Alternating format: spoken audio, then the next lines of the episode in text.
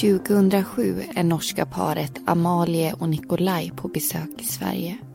Det är inte vilken resa som helst utan deras förlovningsresa. Planen är att övernatta i en campingstuga i jämtländska Östersund. Men romantiken uteblir. Vad som egentligen händer inne i stugan den där natten är det svårt att ta reda på. Det är ju bara Amalie och Nikolaj där. Och sanningen försöker döljas och gömmas från omgivningen. Liknande saker har dock hänt förut. Kanske kan det förflutna avslöja någonting om nutiden. En sak är i alla fall säker. Istället för bröllop väntas nu en begravning.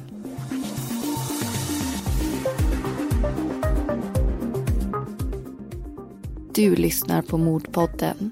I säsong 13 berättar vi om fall från Jämtland och i veckans avsnitt ska du få höra oss berätta om campingmordet.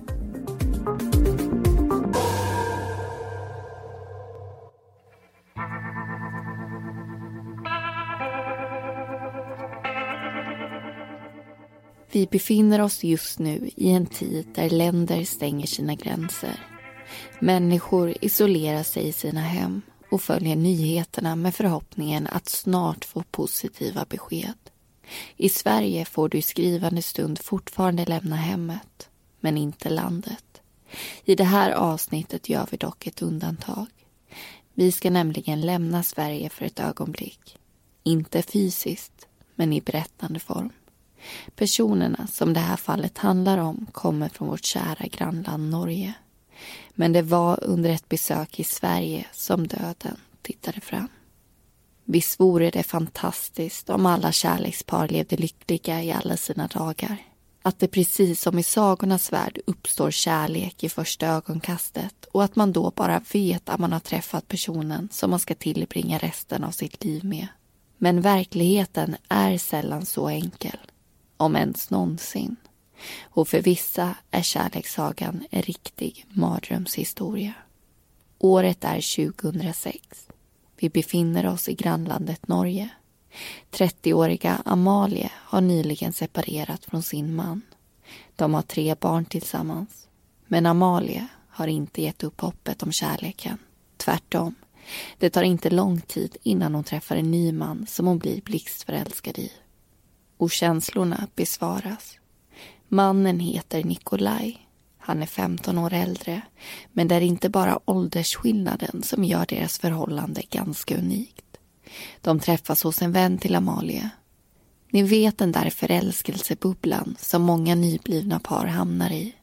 Den där bubblan där allt runt omkring blurras bort, förlorar skärpa. Det enda och den enda man ser är den där personen som hjärtat nyligen börjat bulta lite extra hårt för.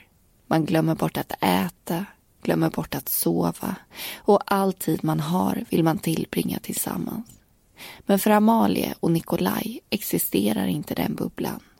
Och det beror inte på att deras känslor skiljer sig från andra nyblivna par utan för att de inte kan vara tillsammans. Hur mycket de än skulle vilja. De träffas som sagt hos en väninna till Amalie. Men i vanliga fall skulle inte Nikolaj få vara där. Han avtjänar nämligen ett fängelsestraff och är bara ute tillfälligt på permission. Precis som Amalie har han tidigare varit gift. Det var också under äktenskapet han begick det brott han nu sitter inne för. Han hade drogat och misshandlat sin dåvarande fru. Hon överlevde men fick svåra skador på underlivet. Nikolajs fängelsestraff gör det svårt för Amalie och honom att träffas på det sätt de önskar. Men han befinner sig på en öppen anstalt och Amalie åker ofta dit och hälsar på honom. Och när Nikolaj har permission passar han på att besöka Amalie hemma hos henne. De brukar då försöka leva ett så normalt och socialt liv som möjligt. En gång är de på fest hos en vän till Amalie en annan gång deltar de på ett födelsedagsfirande hos Amalias moster och de lyckas till och med fira jul tillsammans. Under en av festligheterna hörde Amalias mamma och styvpappa något otäckt. Nikolaj sa att han var synsk och hade fått en uppenbarelse och inte en positiv sådan. Han hade sett att Amalia skulle dö ung och hennes familj skulle råka ut för en olycka den 12 april 2007. Tiden går och Nikolaj avtjänar sitt straff som nu lider mot sitt slut. Den 8 april 2007 frigivs han villkorligt och får ta sitt första andetag på länge som en fri man. Amalie och han är fortfarande tillsammans och ska nu få prova på den riktiga vardagen som ett par. Och de är inte bara pojk och flickvän. De tänker ta sitt förhållande till en ny nivå. På deras fingrar kommer snart två guldringar sitta som avslöjar att de planerar att leva resten av sina liv tillsammans. De ska förlova sig. Och det vill de självklart fira storslaget nu när de äntligen har möjlighet. Bara en vecka efter att Nikolaj kommit ut från fängelset packar de sina saker och åker iväg på sin kärleksresa. Bilen går till Sverige. Närmare bestämt till Östersund i Jämtland. En stad med hög puls in i stadskärnan och ett värmande lugn ute i naturen. Det norska paret bestämmer sig för att njuta av det sistnämnda. Så de bokar inget hotell i närheten av restauranger och affärer utan en campingstuga. De ska bara ta vara på varandras sällskap. Ingenting annat behövs. Det låter romantiskt, mysigt, härligt. Ja, superlativen kan avlösa varandra. Det är enkelt att måla upp en fin bild framför sig. Ett förälskat par som tillbringat hela sitt förhållande på varsin sida ett galler. Som har längtat och väntat på att någon gång få leva tillsammans. Och nu är deras tid här. Men resan blir allt annat än vacker. Den 14 april får SOS Alarm in ett samtal.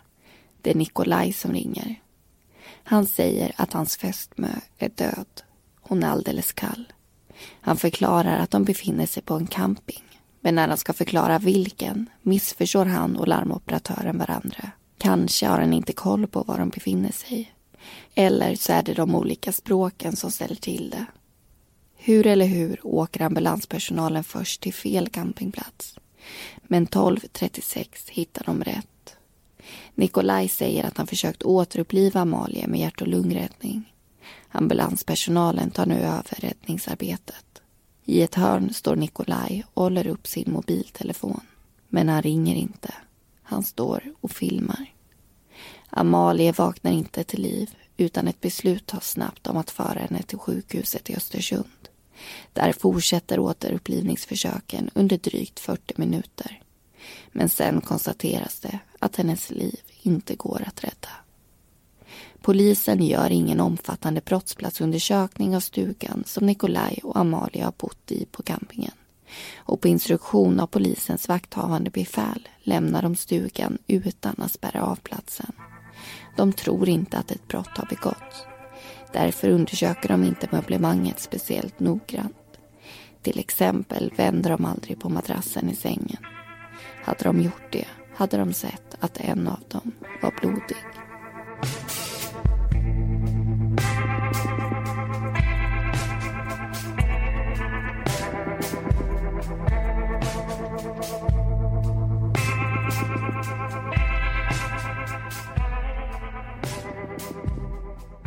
Och där lämnar vi den första berättelsen utav campingmordet. Vi har fått en liten inblick i vilka huvudpersonerna är i just det här fallet känns det som och eh, vi kommer snart få höra mer om vad som faktiskt hände den där natten.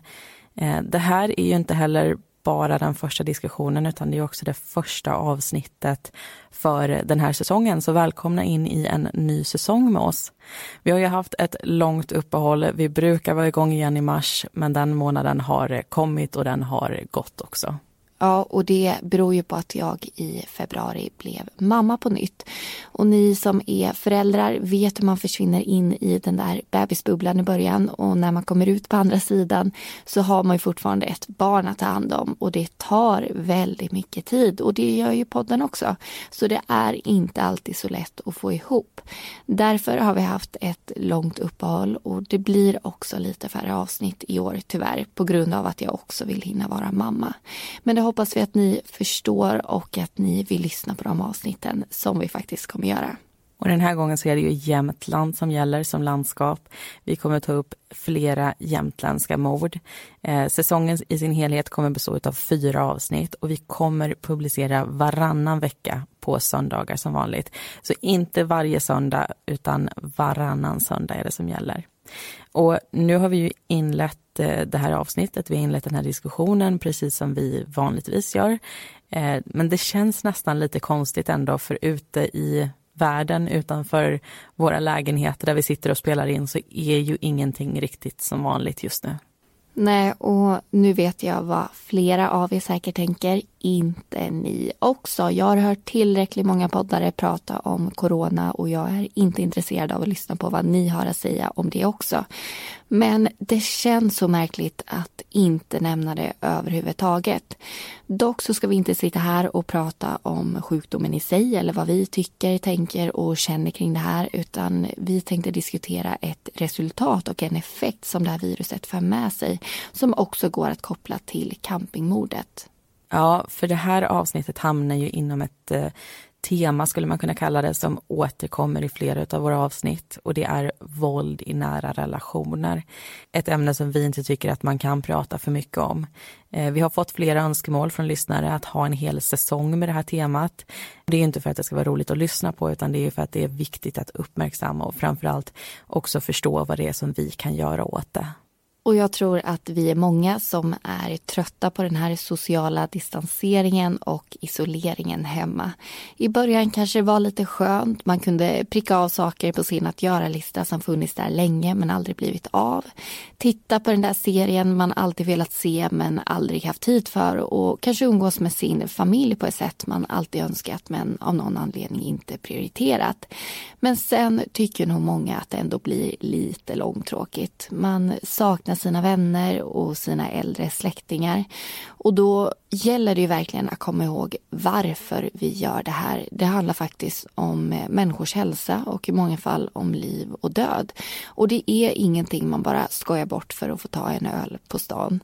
Men det jag vill komma till med det här långa utlägget det är att eh, isoleringen för vissa inte bara handlar om tristess utan faktiskt om skräck. Att tvingas vara hemma med någon som man är rädd för. Någon som kan och kanske brukar göra en illa. Kanske har jobbet tidigare varit en flykt, några timmars trygghet varje dag och för allt för många så är ju den tryggheten borta nu på grund av uppsägning eller permittering eller att man kanske jobbar hemifrån istället.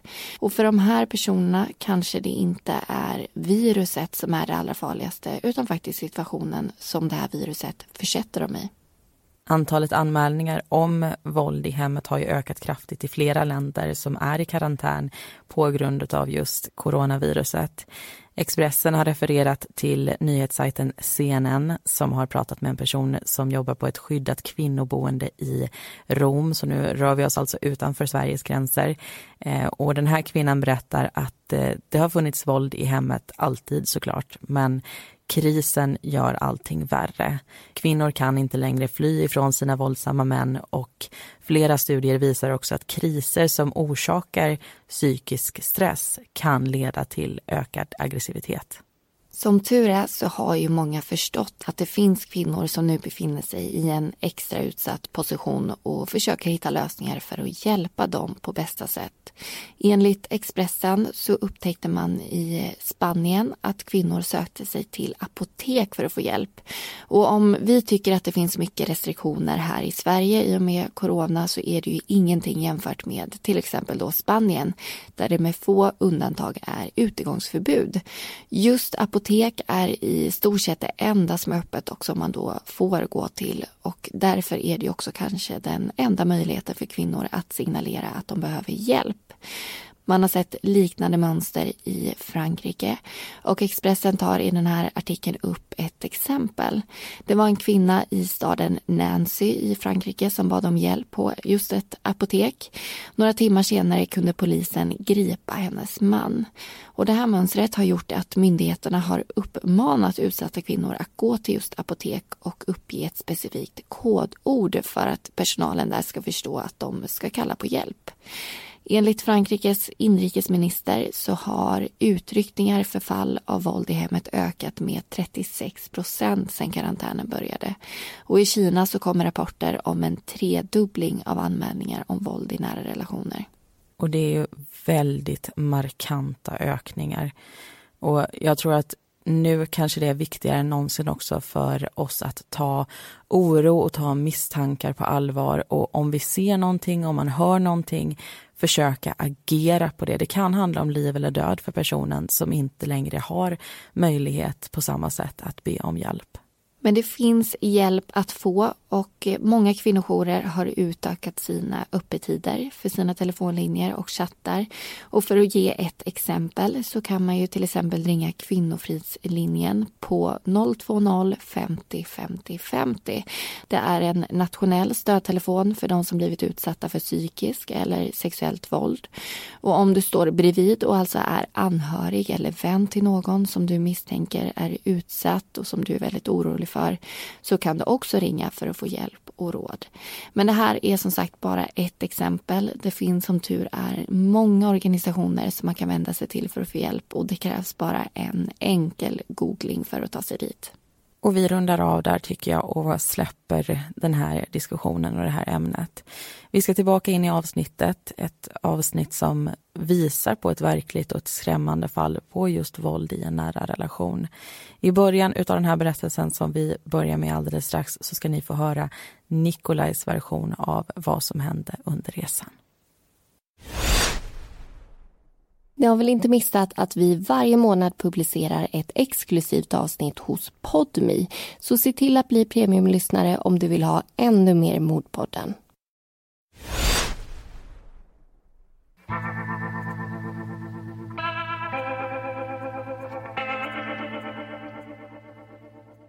Paret Amalia och Nikolaj är på väg till Östersund. Ringarna ska snart på deras fingrar och det är nu dags att fira det stora löftet. Eftersom de reser från Norge har de många mil framför sig innan de kan krypa in i campingstugan de har hyrt. Förutsättningarna kunde tyvärr ha varit bättre. Anneli mår inte speciellt bra. Hon klagar på huvudvärk. Men Nikolaj känner sig också krasslig och efter att ha suttit bakom ratten i flera timmar ber han om ett förarbyte. Men Amalia mår alldeles för dåligt för att orka köra och sänker istället ner sitt bilsäte och fortsätter vila medan Nikolaj tar dem framåt mot deras mål. Under sin färd stannar de till vid en affär och handlar lite mat och på Systembolaget och köper dricka. Det är några cider och en flaska päronkonjak som glider ner i påsen. Efter en lång bilresa når de till slut sin svenska destination, campingen i Östersund. När de gjort sig hemmastadda i stugan där de ska tillbringa natten tillsammans går de en promenad och njuter av den friska luften. De lagar sedan mat tillsammans och äter middagen de får ihop. Det blir dock inte den förlovningsmiddag de kanske önskat sig. Amalia mår fortfarande ganska dåligt så hennes aptit är inte speciellt stor. Innan det är läggdags tar de fram kassarna från Systembolaget och dricker lite av det de köpt medan de spelar kort. Paret går till sängs ganska tidigt eftersom ingen av dem mår speciellt bra. Det tar inte lång tid för Nikolaj att komma till ro och somna. Han har öronproppar för att inte bli störd i sin sömn. Men vid ett par tillfällen lyckas han ändå notera att Amalia går på toaletten. Främst på grund av vinddraget som skapas när hon går ut. Nikolaj vaknar på förmiddagen runt tio tiden. Huvudvärken är fortfarande påtaglig. Han hoppas att det kanske blir bättre efter en promenad. Amalie ligger i sängen och frågar vart han är på väg. När han kommer ut i den friska luften börjar han gå. I lugnt tempo promenerar han ungefär tre kvart. Han kommer tillbaka till stugan och går in i sovrummet. När de anlände dit dagen innan hade de flyttat sängarna men nu ställer han tillbaka dem. Då ser han att det är lite blod i sängen och inser då att Amalia inte är där. Nikolaj ropar på henne men får inget svar. Han går in i badrummet och hittar sin fästmö livlös på golvet. Slutsatsen blir att hon förmodligen ramlat och slagit i huvudet mot handfatet. Nikolaj förstår allvaret i situationen och påbörjar genast hjärt och lungräddning. Men han inser att Amalie behöver mer hjälp än så. Nikolaj vet inte vad vi har för nummer till SOS Alarm i Sverige utan går ut för att få hjälp. Han tar bilen till receptionen där han träffar två män som ger honom numret. Och Nikolaj får snart kontakt med en operatör på SOS Alarm. Han är tillbaka hos Amalia i stugan och fortsätter med hjärtkompressioner medan han pratar i telefon. Efter en stund kommer ambulans till platsen och personalen fortsätter återuppliva Amalia. Själv står Nikolaj och filmar räddningsarbetet med sin mobiltelefon. Han tänker att det kan vara intressant för Amalia att se i efterhand hur allvarlig situationen faktiskt var. Det du har hört hittills i den här berättelsen är Nikolajs version om vad som har hänt. Till en början tror polisen också att det handlar om en olycka. Inget brott utreds, men situationen skulle tack vare en vaktmästare ta en hel omvändning. Läkaren dödförklarar Amalie klockan 13.37 den 14 april 2007. Nikolaj åker direkt hem till Norge igen. Den här gången utan sällskap i bilen. Under resans gång har han telefonkontakt med Amalies familj. Två av hennes anhöriga möter upp honom på vägen och byter av honom i förarsätet eftersom han har svårt att köra hela sträckan hem på egen hand. Väl framme i Norge sover Nikolaj över hos Amalies mamma och styvpappa. Det finns då inga misstankar hos dem om att Nikolaj kan ha någonting med dotterns död att göra. De tror att han sörjer, precis som de själva gör. Och de hoppas att de kan finna stöd hos varandra. Dagen därpå, den 15 april, åker hela familjen, inklusive Nikolaj, till Sverige för att ta ett sista farväl av Amalie. Vid vakan tar han återigen upp sin telefon och filmar. Nikolaj sover ytterligare någon natt hos sin svärfamilj innan han ger sig iväg på egen hand. Det är först då som mamman och styrpappan på allvar börjar fundera och ifrågasätta anledningen till dotterns död. De börjar misstänka att någonting inte står rätt till. Polisen behandlar alltså inledningsvis inte ärendet som ett brott och gör därför heller ingen omfattande brottsplatsundersökning av stugan på campingen i Östersund som det norska paret hade bott i. De filmar dock i stugan och säkrar en del blodspår. Därefter lämnar de platsen på instruktion av vakthavande befäl. Stugan är då inte avspärrad. Men senare kontaktas de av vaktmästaren på campingen till skillnad från dem har han när han städat stugan upptäckt att en madrass lagts upp och ner. När han vände tillbaka den såg han en stor blodfläck på den sida som var vänd mot golvet. Han fotograferade madrassen, men något blod från den säkrades aldrig. Vaktmästarens obehagliga fynd får polisen att tänka om. De kontaktar Amalias anhöriga och ger dem beskedet att kroppen inte kommer komma hem som planerat. Den ska obduceras. Styvpappan frågar om de känner till att Nikolaj precis blivit fri efter att ha avtjänat två och ett halvt år i fängelse. Polisen kollar upp vad han har suttit inne för och inser att det finns väldigt många likheter med det som hänt Amalie och de tar beslutet att häkta fästmannen. Polisen misstänker att Amalie blivit tvingad eller lurad att ta flera läkemedel och på det sättet blivit förgiftad. Hon har därefter fått svåra skador i underlivet. Nikolaj sitter häktad i 13 månader misstänkt för att ha mördat Amalia. Men i maj 2008 släpps han på fri fot och återvänder till Norge. Polis och åklagare lyckas inte få honom omhäktad och utlämnad till Sverige. Men misstankarna mot honom är inte borta. Nikolaj själv nekar till brott och vägrar infinna sig i rätten. Till Östersundsposten säger han att det är möjligt att människor dör helt plötsligt. Han drar en parallell till friska fotbollsspelare som ramlat ihop och dött på planen och menar att Amalias hjärta stannade utan att det finns någon direkt förklaring till varför det hände. Så länge Nikolaj är åtalad för mord vägrar han komma till sin egen rättegång. Han kan dock tänka sig att närvara om brottsrubriceringen ändras till vållande till annans död. Åklagaren gör så småningom som Nikolaj vill och rättegången kan äntligen sätta igång. Obduktionen visar att Amalie dog någon gång mellan midnatt och klockan sex på morgonen. Nikolajs påstående om att hon var vid liv när han promenerade klockan tio kan därför inte stämma. Det får honom att ändra sin historia. Nu kommer han helt plötsligt inte ihåg om Amalie låg kvar i sängen när han gick ut eller inte. Och det är fler märkliga omständigheter som han kommer tvingas förklara. Bland annat hur det kommer sig att han väljer att filma vad som borde vara hans mest fasansfulla stund i livet.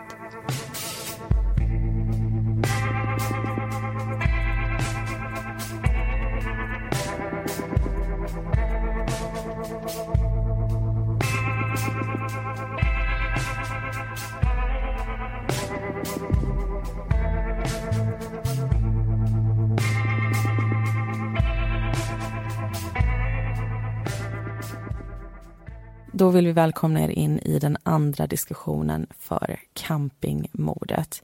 Vi har ju precis i slutet av den förra berättelsen hört att Nikolaj alltså väljer att filma de här återupplivningsförsöken. Eh, och det är också där vi tänkte ta vid nu i diskussionen.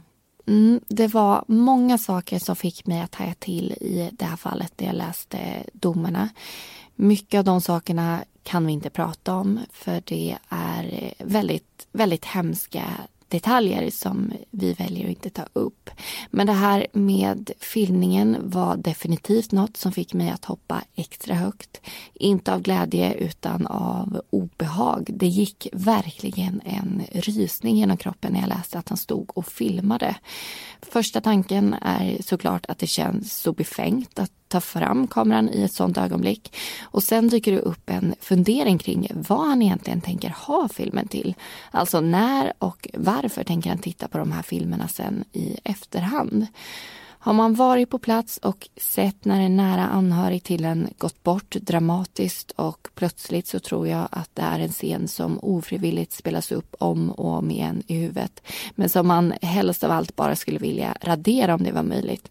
Men Nikolaj gör alltså helt tvärtom. Han bevarar det här ögonblicket med mening. Mm, och det är någonting som han får svara för sen i efterhand. Han får förklara hur det var han tänkte. Och hans förklaring det är att han filmade för Amalias skull.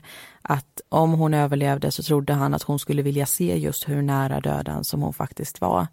Eh, och min första tanke det är, vem tänker egentligen så i ett sånt ögonblick? Ja, det kan man verkligen undra. Och när vi ändå är inne på det här med att filma hemska saker så har det ju tyvärr blivit ett allt vanligare fenomen vid olyckor och räddningsarbete att just ta upp sin mobiltelefon och filma det som händer. Och jag tror tyvärr att det sitter i muskelminne på folk nu för tiden att ta upp telefonen så fort någonting ovanligt händer. Men man önskar ju att den självklara och automatiska reaktionen istället skulle vara att faktiskt hjälpa till i de situationer där det skulle behövas. Ja, och ibland handlar det inte bara om att personen inte hjälper till utan de kan ju till och med försvåra räddningsarbetet. De kan vara i vägen när de står där och filmar och inte ser vad som händer runt omkring. Eh, och jag tycker man måste tänka ett snäpp längre när man befinner sig i en sån här situation. Och är räddningsarbetet redan igång, då är ofta det bästa man kan göra att lämna platsen och låta dem arbeta i fred. Ja, och sen får man inte glömma den skadade personen heller. Det kan ju såklart, eller är förmodligen, väldigt kränkande för den här människan att bli filmad i ett sånt utsatt läge. Och inom psykologin så brukar man prata om åskådareffekten som innebär att ju fler som tittar på när någon utsätts för till exempel misshandel eller befinner sig i fara på något sätt, desto mer hämmad blir var och en i fråga om att våga gripa in. Det här står beskrivet på psykologiguiden.se. Och om det är väldigt mycket människor på en olycksplats till exempel så tror jag tyvärr att många tänker att det inte är deras ansvar. Varför ska just jag rycka in? Det kan väl någon annan göra? Man tänker att någon säkert... Head over to Hulu this March where our new shows and movies will keep you streaming all month long. Catch the acclaimed movie All of us strangers starring Paul Mescal and Andrew Scott. Stream the new Hulu original limited series We Were the Lucky Ones with Joey King and Logan Lerman. And don't forget about Grey's Anatomy. Every Grey's episode ever is now streaming on Hulu. So, what are you waiting for? Go stream something new on Hulu. Botox Cosmetic, out of botulinum toxin A, FDA approved for over 20 years. So, talk to your specialist to see if Botox Cosmetic is right for you. For full prescribing information, including boxed warning, visit BotoxCosmetic.com or call 877-351-0300. Remember to ask for Botox Cosmetic by name. To see for yourself and learn more, visit BotoxCosmetic.com. That's BotoxCosmetic.com. redan ringt efter hjälp så det behöver inte just jag göra men om alla tänker så så är det faktiskt ingen som ringer. Och om andra står och filmar så kanske man tar upp sin mobil utan att tänka efter bara för att det verkar som att man borde det. Det blir ett slags flockbeteende helt enkelt. Men om vi ska försöka belysa någonting positivt med det här så är det ju också att filmer och bilder i sådana här situationer kan vara bevismaterial om det är ett brott som har begåtts. Eh, men då ska vi komma ihåg att det handlar bara om ett brott. En olycka behöver inte bevisning på det sättet. Och då är det som sagt ofta bättre att gå därifrån. Särskilt om någon har blivit väldigt svårt skadad. Men nu så ska vi inte sväva iväg för långt här. I det här avsnittet berättar ju vi om campingfallet och vi har en berättelse kvar att lyssna på. Och den kommer kretsa mycket kring rättegången och bedömningen av den här händelsen och Nikolajs ansvar i det hela. Och vi kommer då komma in på eliminationsbevisning. Mm, för åklagarens bevisning den faller ju just inom den kategorin. Eliminationsbevisning innebär att bevisningen går ut på att utesluta andra förklaringar till händelserna än just det händelseförlopp som åklagaren själv lägger fram. Och det är ganska svårt att få någon dömd på det här sättet och i tingsrättsdomen så tar man upp ett exempel på ett annat fall när just en sån bevisning har använts men inte var tillräcklig. Och just i det här fallet så hittades en person ihjälslagen på en ö. Och utredningen visade inga som helst tecken på att någon annan människa befann sig på ön förutom den åtalade och den döde. Men Högsta domstolen ansåg ändå inte att bevisningen var tillräckligt stark eftersom det inte gick att utesluta att en annan person hade befunnit sig där. Så åtalet ogillades i det här fallet. Men hur bedömningen blir i just det här fallet i campingmordet, det ska vi få höra nu.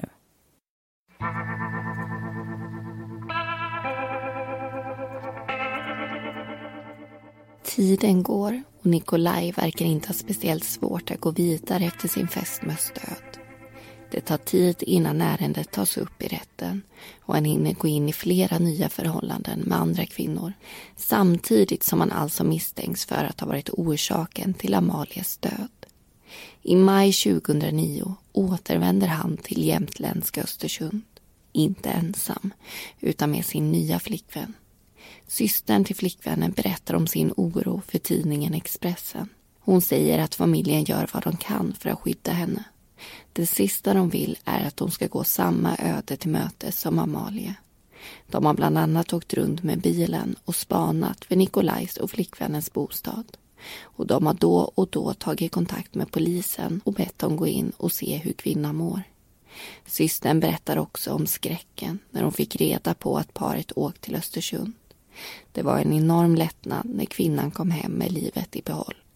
Nikolaj tröttnade till slut på sin flickväns familj som la sig i deras förhållande och relationen tog slut. Den 16 mars 2010 är det dags för den första rättegångsdagen i Östersunds tingsrätt. Utredningen lämnar på många sätt mycket att önska. Åklagaren lägger inte fram någon bevisning som direkt visar att Nikolaj gjort sig skyldig till det han åtalar för, vållande till annans död. Det finns varken teknisk bevisning som binder honom till gärningarna eller iakttagelser från vittnen som ger stöd för att Nikolaj är gärningspersonen i fallet. Istället utgörs åklagares bevisning av så kallad eliminationsbevisning. Det innebär att bevisningen går ut på att utesluta andra förklaringar till händelserna än det händelseförlopp som åklagaren själv lägger fram. Men för att eliminationsbevisning ska leda till en fällande dom krävs det ganska mycket. Alla andra händelseförlopp måste med säkerhet uteslutas. Åklagaren presenterar en händelseutveckling som får stöd av flera indicier. Indicierna tar främst sikte på att Nikolaj lämnat felaktiga eller bristfälliga uppgifter.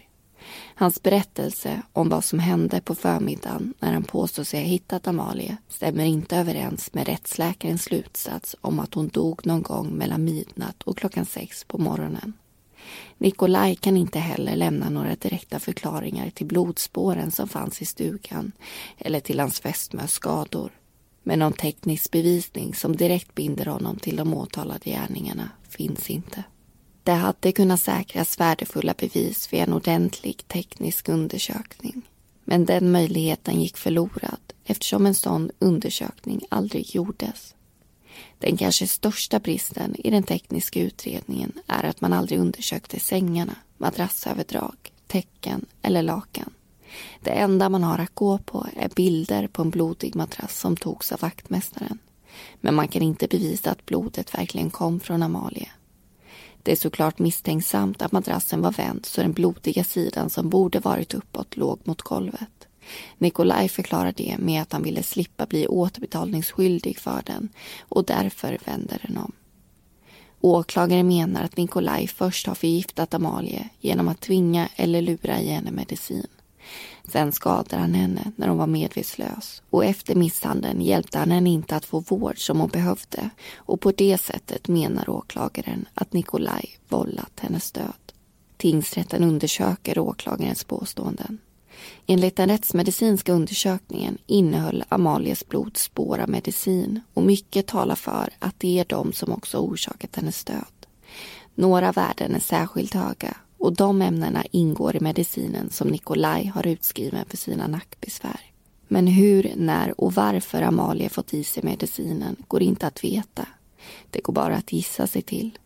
Men tingsrätten finner det ställt utom rimligt tvivel att Nikolaj misshandlat henne grovt. Det finns inget som pekar på att någon annan person befunnit sig i sällskap med paret så tingsrätten menar att det måste ha varit Nikolaj som orsakat Amalies skador men åtalet för grovt vållande till annans död ogillas. Det krävs nämligen att dödsorsaken är helt klarlagd och att det finns ett samband mellan gärningspersonens handlande eller brist på handlande och dödens inträde. Nikolaj larmade inte ambulans förrän kvart över tolv på dagen trots att Amalia måste ha dött innan klockan sex på morgonen. Det gick alltså många timmar utan att han försökte rädda hennes liv. Men vilken effekt på döden hans icke-agerande har haft finns det ingen utredning om. Och det finns heller inget som tyder på att Nikolaj har haft något motiv eller önskan om att Amalia skulle dö. Det är ett möjligt scenario att paret gått och lagt sig och att Amalia redan var död när Nikolaj gick upp på morgonen och i så fall hade det inte gått att rädda henne även om Nikolaj försökt och för att en person ska dömas för vållande till annans död krävs det att den uteblivna räddningsinsatsen hade kunnat rädda offrets liv.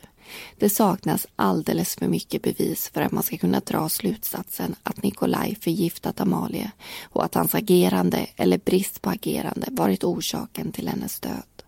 Han döms därför för grov misshandel och påföljden bestämts till ett år och sex månader i fängelse. Men ärendet går vidare till hovrätten för Nedre Norrland. Hovrätten anser att straffvärdet är betydligt högre och dömer Nikolaj till tre år och fyra månaders fängelse. Det som skulle ha varit en romantisk förlovningsresa slutade i tragedi. Det var inte bara förhållandet som avslutades utan också ett liv. Och det verkar ha skett helt utan anledning. Det finns såklart ingen anledning som på något sätt gör det okej att ta en annan människas liv. Men en anledning kan i alla fall hjälpa oss att förstå varför det skedde. Men i det här fallet finns inte ens det. Och det lämnar på något sätt en extra sorglig eftersmak.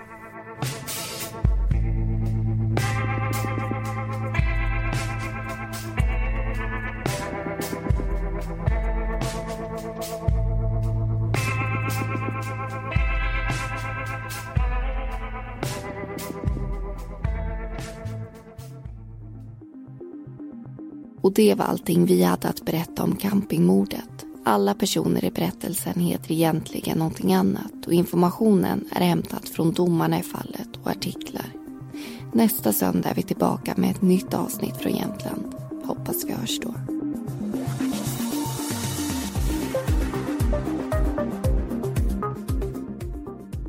Du har lyssnat på Mordpodden. Vi som har producerat den heter Amanda Karlsson och Linnea Bolin. Bakgrundsmusiken var bland annat Soaring av Kevin MacLeod och Deep Space av Audionautics.